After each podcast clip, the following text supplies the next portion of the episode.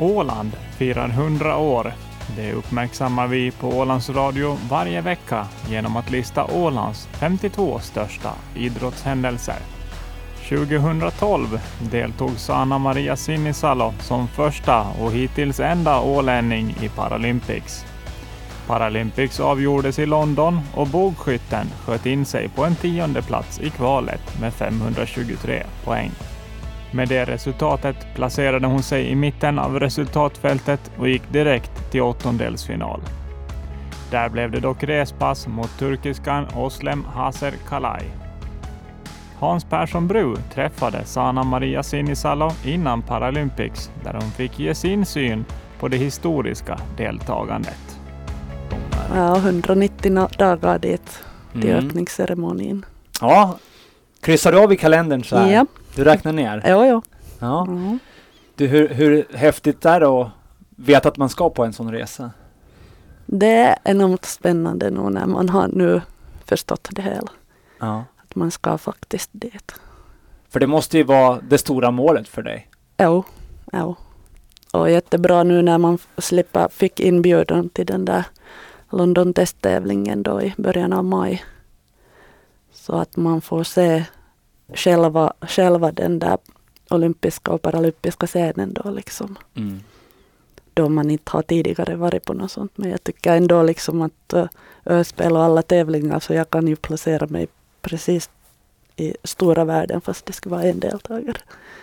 Så att jag har alltid tränat på det sättet. Ja, ja. Tävla då. Att det spelar inte någon roll var man är för själva, själva skyttet är ju exakt lika var än man är. Bland de framgångar som till slut tog henne till Paralympics fanns FM-guld och mängder med öspelsmedaljer. Sana Maria Sinisalo debuterade i öspelssammanhang på Rhodos 2007 där hon gick medaljlös. Men efter det tog hon medalj i fyra raka öspel. På Åland 2009 blev det ett brons och två år senare på Isle of Wight kom hon hem med två guld och två brons. Förutom de fyra medaljerna på Öspelen blev 2011 Sinisalos bästa år rent medaljmässigt. Sinisalo sköt hem två FM-guld, ett i allmänna FM och ett i handikapp-FM. Hon deltog även i para-VM där hon blev utslagen i kvartsfinalen. Inför tävlingarna i Paralympics i London 2012 berättade hon att Öspelen har varit till stor hjälp för att slutligen ge henne en OS-plats.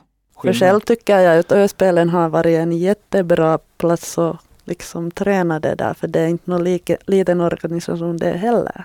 Att tusentals liksom involverade då, då liksom i det. Så det är en, även fast Öspelen har varit liksom alla sporter runt, runt placerande och boende. Mm. Att nu blir ju själva den här tävlingsbyn är ju egentligen den där stora grejen i det hela.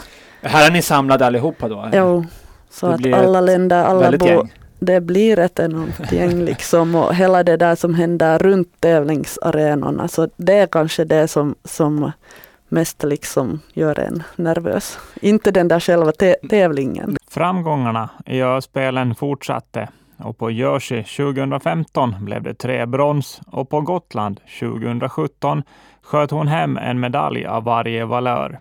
Ett guld, ett silver och ett brons. Vi hör henne efter guldmedaljen i damernas recurve head to head där hon berättar om en lite annorlunda uppladdning inför tävlingen. Igår när jag efter maten får simma där vid havet liksom flera gånger liksom och to- tog det lugnt och koncentrerade mig till den här dagen liksom.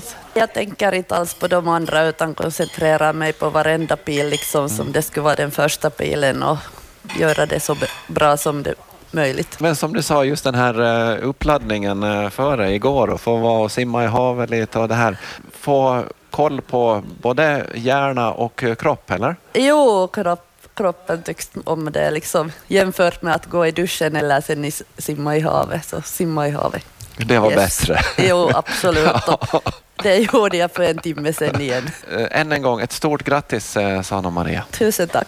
Det sa Sana Maria Sinisalo. Redaktör Dan Sjöblom.